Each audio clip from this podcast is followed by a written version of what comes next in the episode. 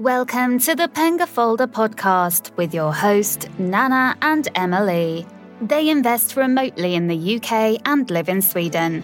In this podcast, they will be interviewing interesting guests that all invest in the UK property market.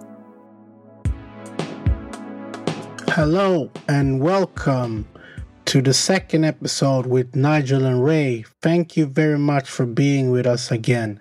I hope you will enjoy this continued episode. Thank you so much for having us. It's very nice to be here. So, what what are the most common mistakes you see with funders or borrowers? Right, I, I was making a note on this. I would say the mistakes that often people make are they they don't ask for enough money and they underestimate how long they might need it. But I'll let I'll let Ray expand on that. But just two things there because we know about property it always costs more and it always takes longer. So this yeah. is where I'm sure Ray's got. Um, he'll recall some examples of where people think they've got enough, and then they're in a dilemma because you know I'm I'm involved in in one at the moment where the we've put money in and the person is is now it's taken longer the costs have gone up and now they're looking to get more money and people are looking at it going hmm and and this is a problem and when it comes down to the fact that you need money in a hurry, then the cost of that money typically goes up. But uh, Ray, you've yeah. you've probably got a few examples of that sort of thing, haven't you? Yeah, I mean, uh, lots of examples. We had um, a developer that came to us, had put a lot of his own money into a deal, also had money from a, an established bank, which is always good because it means that the bank have have done their diligence and have stress tested it and all the rest of it. And he had an investor that was putting in a hundred thousand to finish off the stack, as it were. And I think the investor's hundred thousand was working capital or something like that. And the deal had completed and the property was there, but the investor was unable to come up with a hundred thousand. So they contacted me and said, look, you know, we're not in a pickle that we need it now, but we are going to need because we've bought the property. So we've got a, a good six weeks before we will actually need these funds. So we want to raise a hundred grand. So I said, right, okay. So we got the one page summary. I sent it out to investors, and seven investors came back offering a hundred thousand. And it well, I can't remember the terms, I can't remember the percentage or anything like that, but there were certainly seven that were interested in it because it was a good deal. It was a you know established track record, plenty of credibility there. The return was decent. The exit exit was all refined. There was no security in the sense that all they were being offered was a personal guarantee, but the personal guarantee was backed by assets. And Mm. Although you had to give a personal guarantee to the bank, you can get personal guarantee insurance. So that's a very little mm. known thing, but you can get that. Now, you can only get it if, it, if you're borrowing money from an established lender. You can't get it if you're borrowing it from a private individual. But anyway, so he had seven offers, and he said, "Well, that's fantastic. Um, I, you know, I, will take one." I said, "My advice to you is to take three take three. said, I, I only need a hundred. I said, no, I think you might need three, and the and the deal can support it. It ended up he needed four over the over the term. Yeah. Uh, began, uh, uh, as we would say in the law, a concatenation of events where just things just happened. You know, for example, they were doing the groundwork, and I don't know if you remember a couple of years ago, it was wet for months on end. It just yeah. poured with rain. I mean, it wrecked the farmers and all that kind of carry on. Well, his groundwork was just absolutely ruined. And that added something like £160,000 already, just that one thing.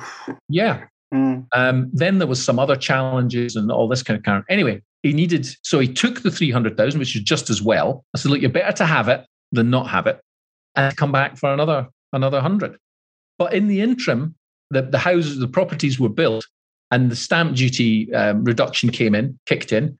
And instead of getting, I can't remember the actual figures, but instead of getting something like £300,000 per property, he got nearly £400,000 per property. So it, all balanced out. You know, it, yeah. It, it, really did work out fine. But that's that's sort of an example of uh, you know underestimating. It, you will you will usually all need more money. You're always better to to have more than not enough. Um, yeah. If you're also working with one investor, let's say, it's helpful if that investor has more money available.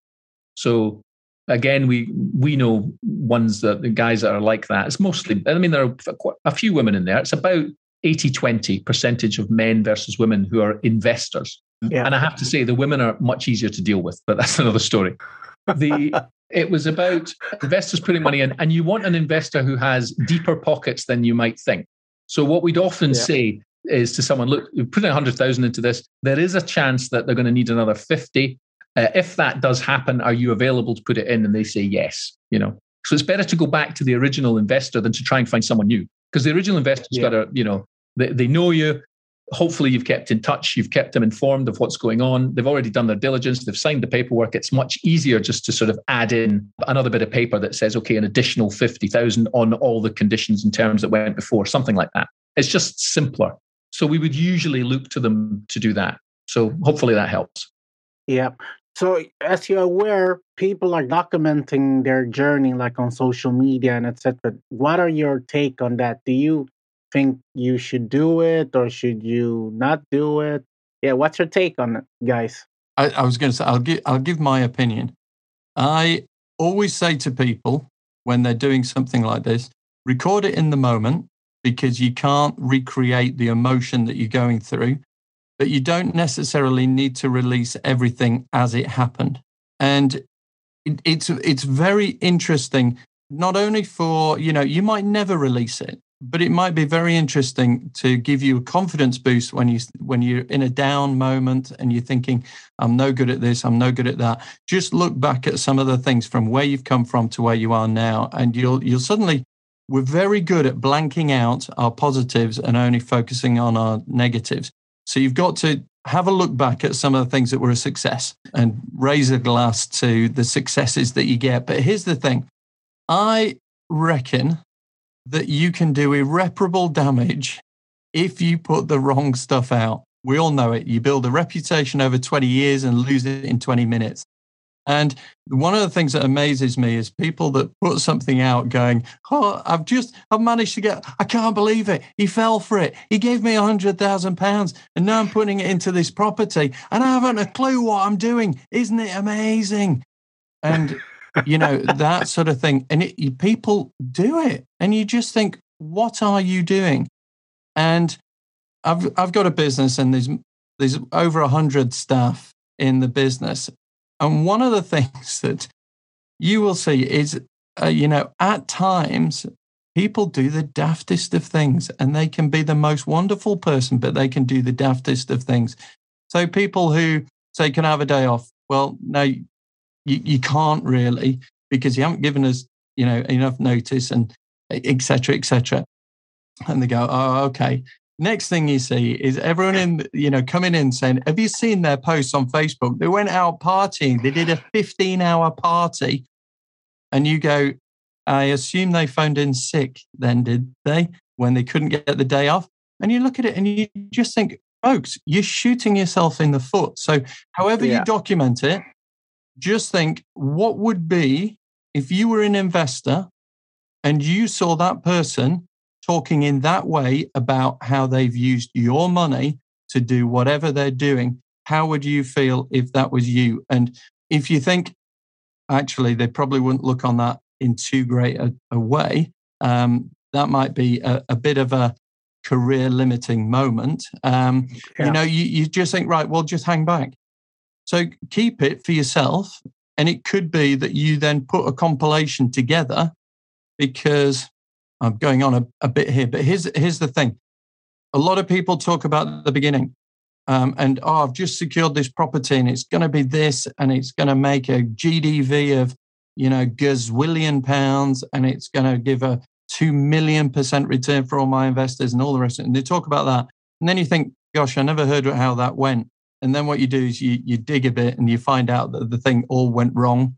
And funny, they're yeah. not talking about that. So maybe document your journey. And when it's all done, dusted, people repaid, you know, targets hit, outcomes met, then you mm-hmm. put together a nice little presentation, snippet it up and say, here's one start to finish. Because Ray, people, investors, they do do due diligence on you and that involves looking at your digital footprint so my mm. thoughts are do it, document it, but just be careful with what you then share with people. Good, good nugget. Yeah, good, I think really um, what always goes down well is here's what I did and here's what I learned. This is what I did and this is what I learned. There are a few people I I, I would say taught, but certainly imparted some knowledge and coached when um, I used to run a course called Raising Angel Finance, uh, and we now do how to raise money. Um, and in that, we do talk about your footprint and the things that you should be putting out there. And yes, it's good to show pictures of the keys if you're buying property, you know, jangling the keys and this is the property I bought. People love before and after things. People love it when you go with a camera into the drains and into the roof space and all that kind of carry on. They love it when you do one walking through the house or through the property. But they also like to hear about the things that have gone wrong. You know, there was one guy I know who posted, he he, he recorded uh, a video with a surveyor that came round and he he blanked out the, the surveyor and he didn't identify the surveyor.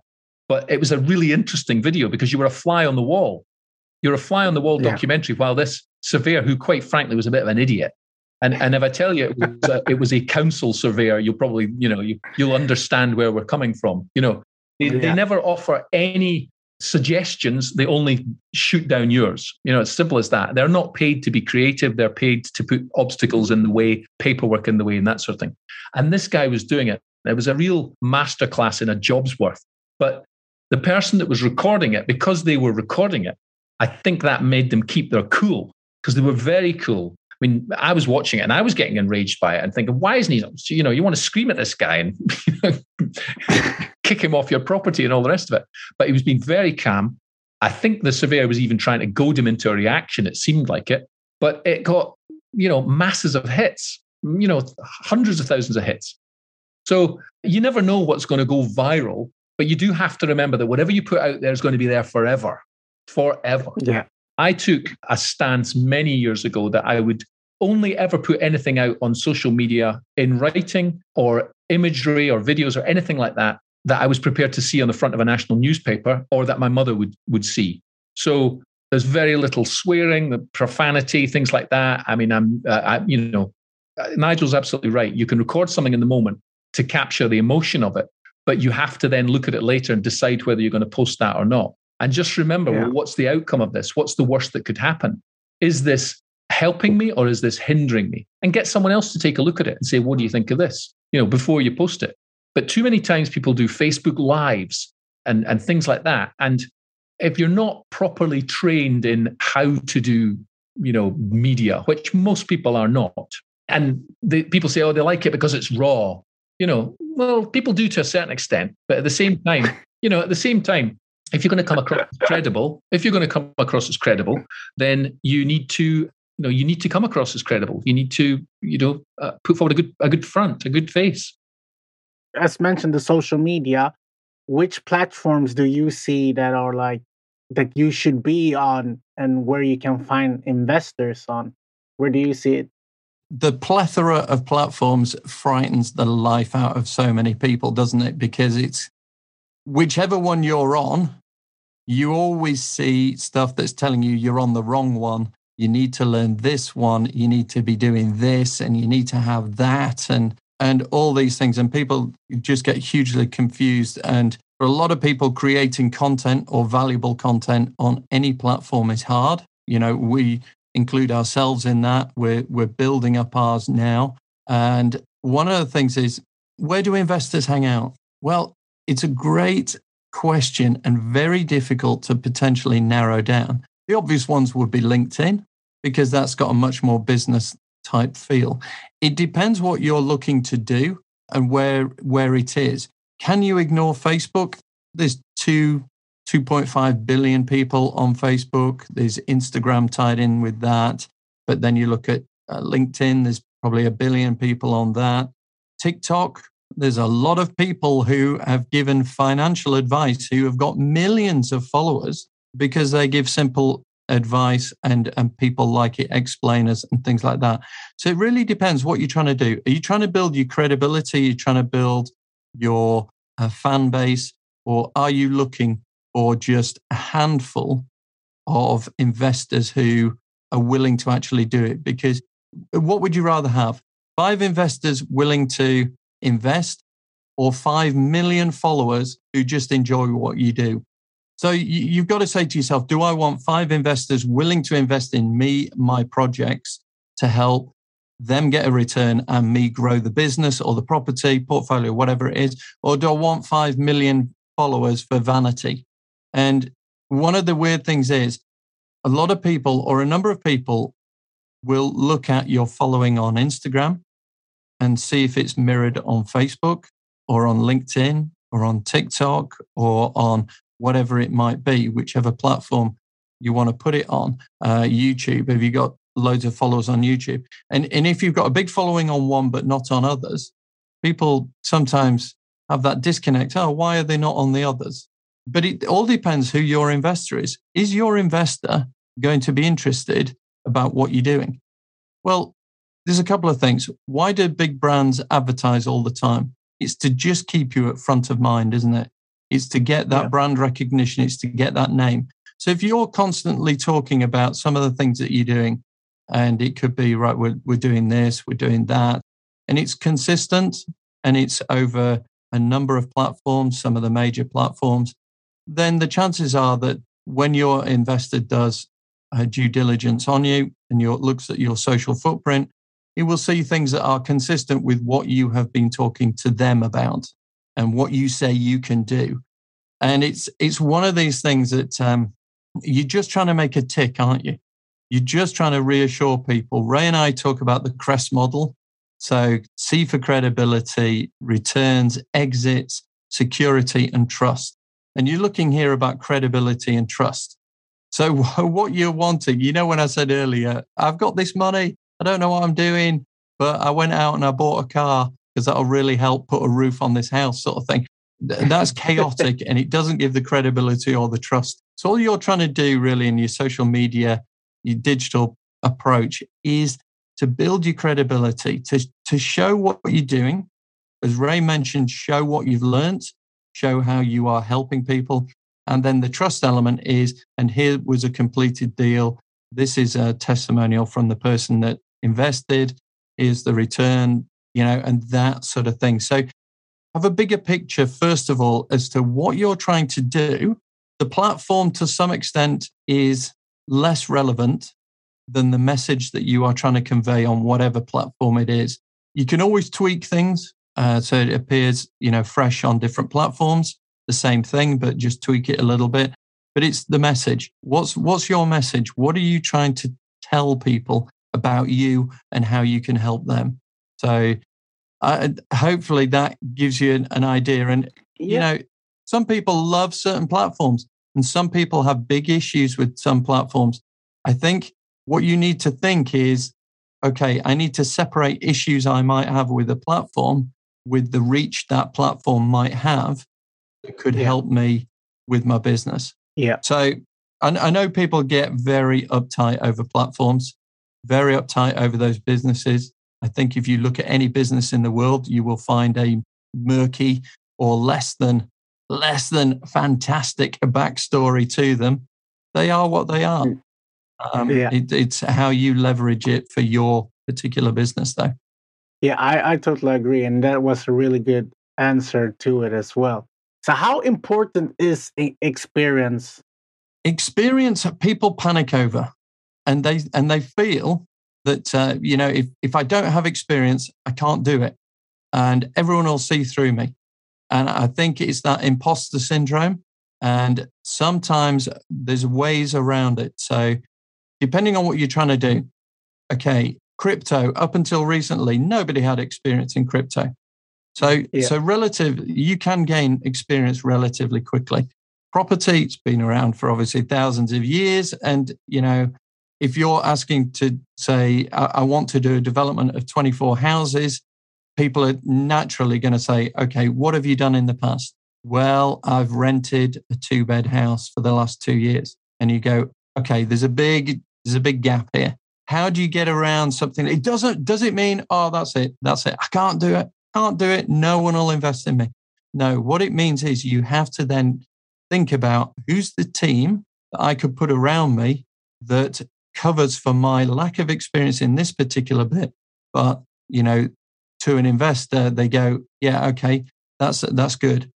That, that team in itself has got the experience and it gives me the confidence. It's back to that, that risk element, isn't it?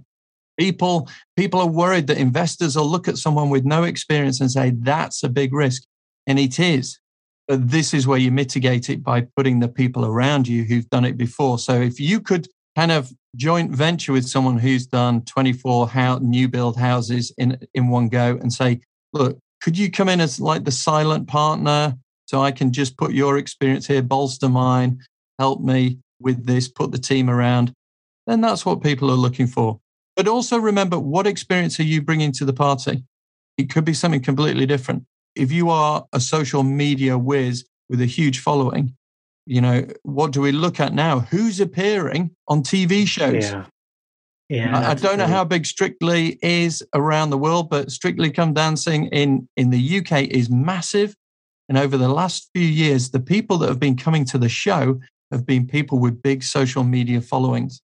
They have no experience of standard media, TV, then they might not be well known all of a sudden they're bringing a whole different tribe to look at yeah. the TV program. And people are looking at this. You might have experience and be able to bring something to the party that nobody else, the investor, has never been exposed to, but wants to be.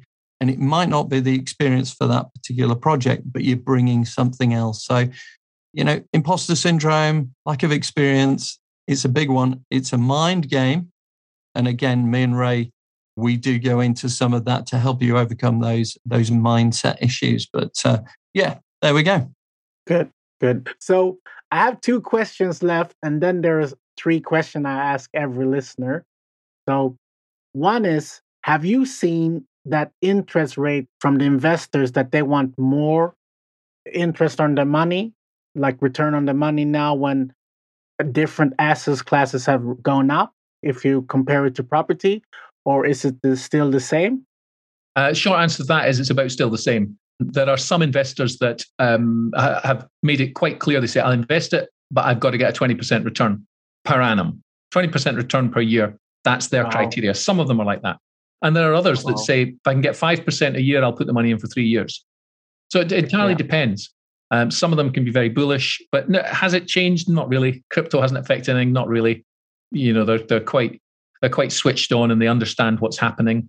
I would yeah. say, uh, you know, an average interest rate. I mean, we had one guy who was asked to put two hundred thousand pounds into a deal. The bank had already committed eight hundred thousand. He was asked for two hundred thousand, and he was being offered two hundred thousand at ten percent. And the bank had put the money in at I think it was eight, seven or eight percent.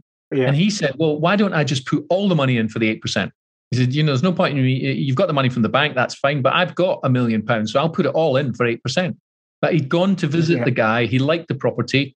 They'd had dinner and all the rest of it. And they got on like a house on fire. So instead of just putting forward the 200,000, he put forward the whole lot. So, uh, yeah. you know, it, it, it, like I say, the question is, Mr. Investor, what's important to you? That's the question. Yeah, what is it you? Just ask and they'll tell you. Yeah. Do you have anything to add to that, Nigel? Uh, I think that I think that's fair. A lot of times, investors are very canny at looking at spikes, peaks, troughs, and, and trying to pick the middle ground. So, you know, there, there may be a slight tweak of it, but they will have a return for a particular type of investment that they feel is, is correct for them. And, and yeah. that doesn't tend to change dramatically. It, it might adjust slightly depending on, you know, what is it? An incoming tide rises all ships, raises all ships sort of thing. So yeah. there's an element of that. But no, they, they will have, you know, a return in that particular thing because it's linked to the risk of that particular thing, and they tend to stay fairly constant. But uh, okay, yeah. great answer, guys. So the last question before I, uh, I send my uh, usual question: Are there any red flags you should be aware of when someone asking for funding?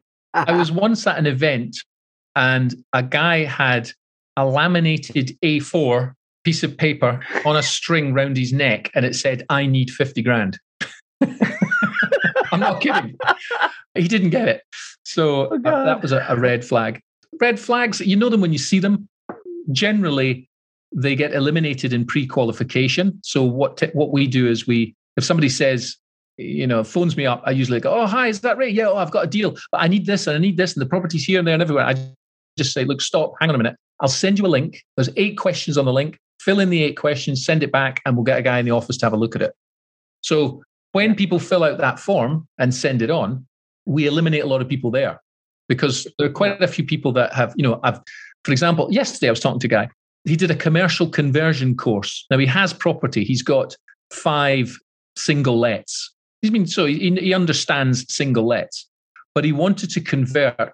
Uh, it was a sort of ballroom or something. It was a huge building. I mean, it's fifteen thousand yeah. square foot in uh, oh, wow. yeah 15,000 square foot in just just out just south of Liverpool somewhere. And he wanted to convert it into flats and it was a big big deal. And he said to me I'm looking for money to do that. And I said I'm going to stop you there. No you're going to have to do this as a joint venture. You cannot do it on your own because you just lose money. So you know, that's the sort of thing. And then uh, he he might go away and say well I don't want to do it as a joint venture. Well we won't we won't be sourcing funding for him because he falls down on the credibility aspect. Now, that's before we've even got the application and, and, and tried to see what the score is, because I just know right away yeah. the score is going to be too low, you know? Yeah. So I, I think there's a lot of people that are enthusiastic, but they're enthusiastic amateurs, and they can be some of the worst. So we try and yeah. we try and ju- patch them up, joint venture them. We've got established developers that would like to work on a team just for a sweat of the brow wage, not necessarily for a percentage, but sometimes for a percentage to shore up the team. So when you see the red flags, if they're if they're red flags that can be fixed, that's fine. Uh, if they can't, then we would we wouldn't do it. Yeah, good answer. And what about you, Nigel? Yeah, it's all down to the demeanor of the person, and it, it's like any, whenever you're selling anything, you always get tire kickers. And the the simple thing is that you want to obviously not if if you're selling pets. I mean, getting people to come around and kick pets would would not be good. But no, you know what I mean. Uh, you're selling a car, they come around, they kick the tires, they haven't a clue about a car, they've got no funds, and all the rest of it. One of the greatest things that you can use is is just ask a few questions. Just ask a few questions of the person because they they give such great answers. You know, what are you doing at the moment? Well, I'm living under a bridge you know, it, it's not, you know, and I jump out and scare billy goats as they cross or something like that. You're kind of thinking, right, this might not be the best person. The other thing is just quickly ask them, said, okay, is there anything in your background, anything on social media, you know, that you wouldn't want someone to know? Said, oh, no. Well, what are you on Facebook? And just go on their Facebook whilst you're there with them and just go, oh, that's interesting, isn't it? You know, lying in a gutter from a night out or, or whatever, or you know, doing some crazy stuff. It, it's quite easy, but just throw a few questions. Those people that are serious, it's pretty obvious pretty quickly that they're serious. Uh, the thing that annoyed Ray most, which is one of the reasons why we do some help with people filling in an application form, is people would just turn up and say, "Yeah, I've got this thing," and you ask them the most basic questions, and you you realize they haven't even looked at the property.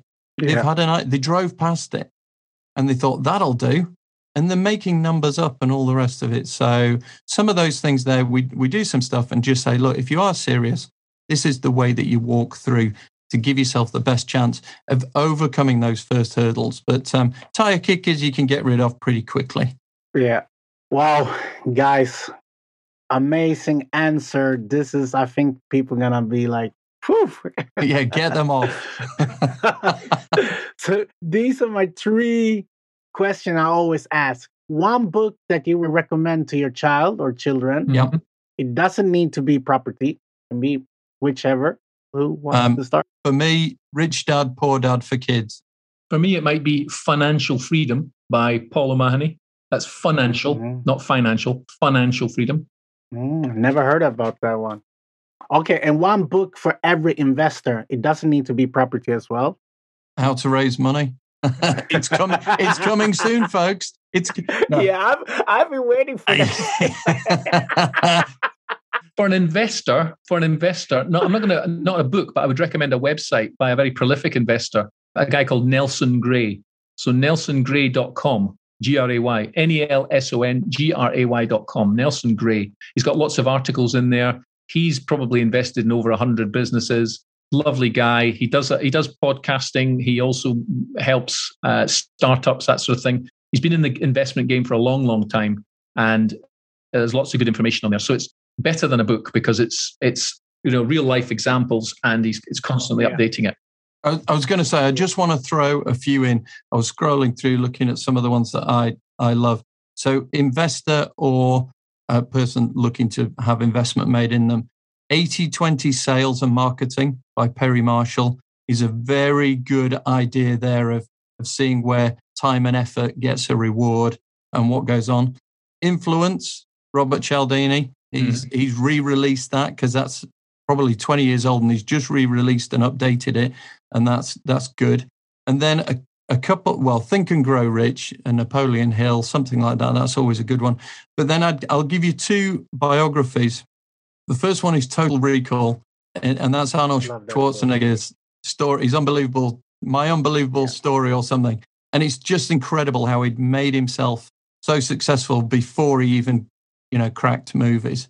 But that, yeah. in terms of setting goals and, and being focused on them, that that's a, and it's just a fascinating book of who he met the other one is Shoe Dog by Phil Knight, which is the story of Nike. Again, that is an amazing story of of kind of their focus was on one thing, which was you know the running shoe, the athlete, and all the rest of it, and just the trials and tribulations are amazing.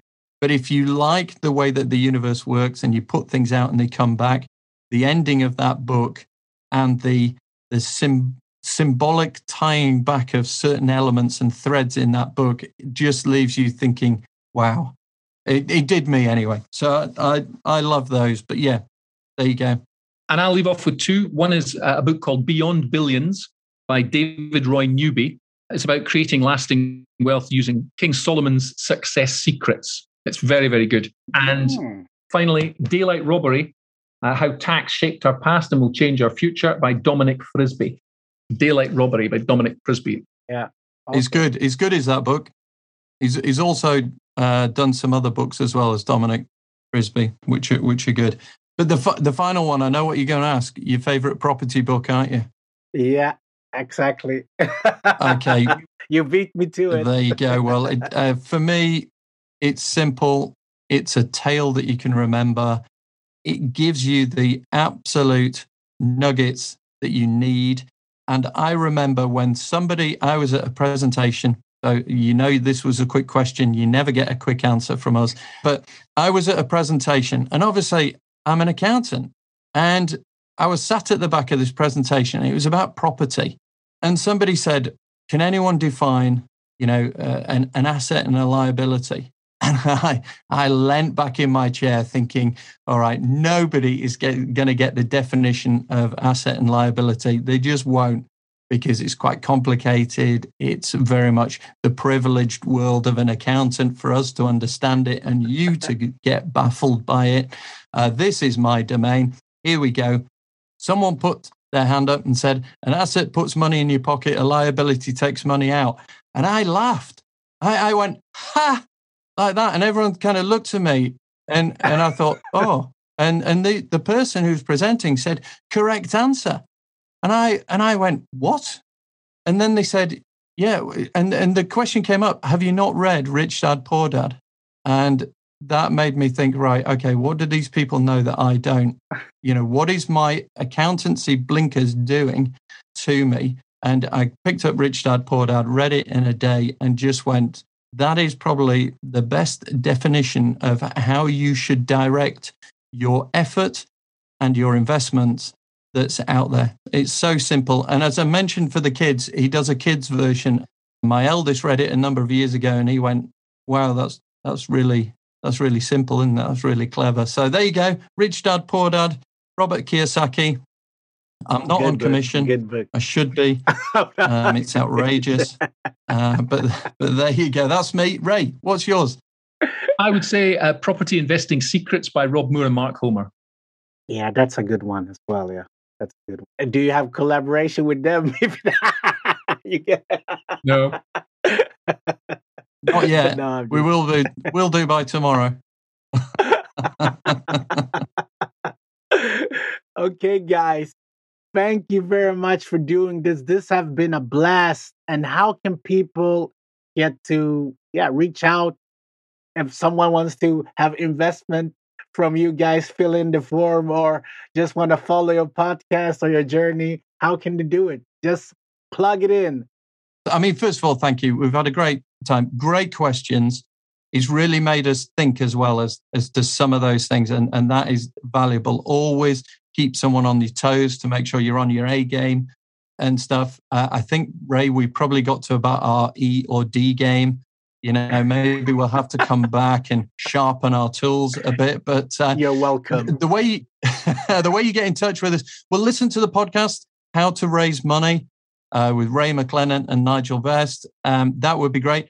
But you can go to the website, which is www.htrmoney.co.uk or drop us an email, which is hello at htrmoney.co.uk. That would be absolutely wonderful to hear from anyone. We'd love feedback and you've got to rate this show as well, folks. Jump in to the Apple Apple Podcasts, get in there, give a rating for this. You don't need to rate us. We've got very thick skins. Um, it's from years of, of people doing that. But no, come on, rate this podcast. It really helps spread the podcast to a wider audience. And as fellow podcasters, we know that uh, we really do appreciate it. And we've struck up some really good relationships on a professional basis with people who've done reviews, who've then got in touch with us and that really helps. It really makes people do that. So thank you once again. And uh, yeah, we'd love to talk to anyone out there that uh, needs any help with raise how to raise money. Yeah. Do you have something to add there, Ray? You might no. uh, no, that's that's that's how to get in touch with us. Hello at h htrmoney.co.uk. And there's there's some uh, templates in there. There's some free guides. There's help on yep. uh, some of the the questions that you may have. And if you want to go further, you want to go deeper, or you want to get to the point of uh, one to two, so you could you could get both of us if uh, if you wished. Then go to the website, get in touch with us, and and let's get talking. Let's yeah. find out what you're up to because we love seeing success of people. We love it. Yeah, guys, thank you very much, and thank you for the plug and and and taking your time. I know we went overboard, but it was so fun speaking with you guys and so much knowledge. And I hope the listeners and the viewers will like it and the jokes that you gave as well. so, with that ending, don't be stressed. Invest, people. Bye. Bye bye.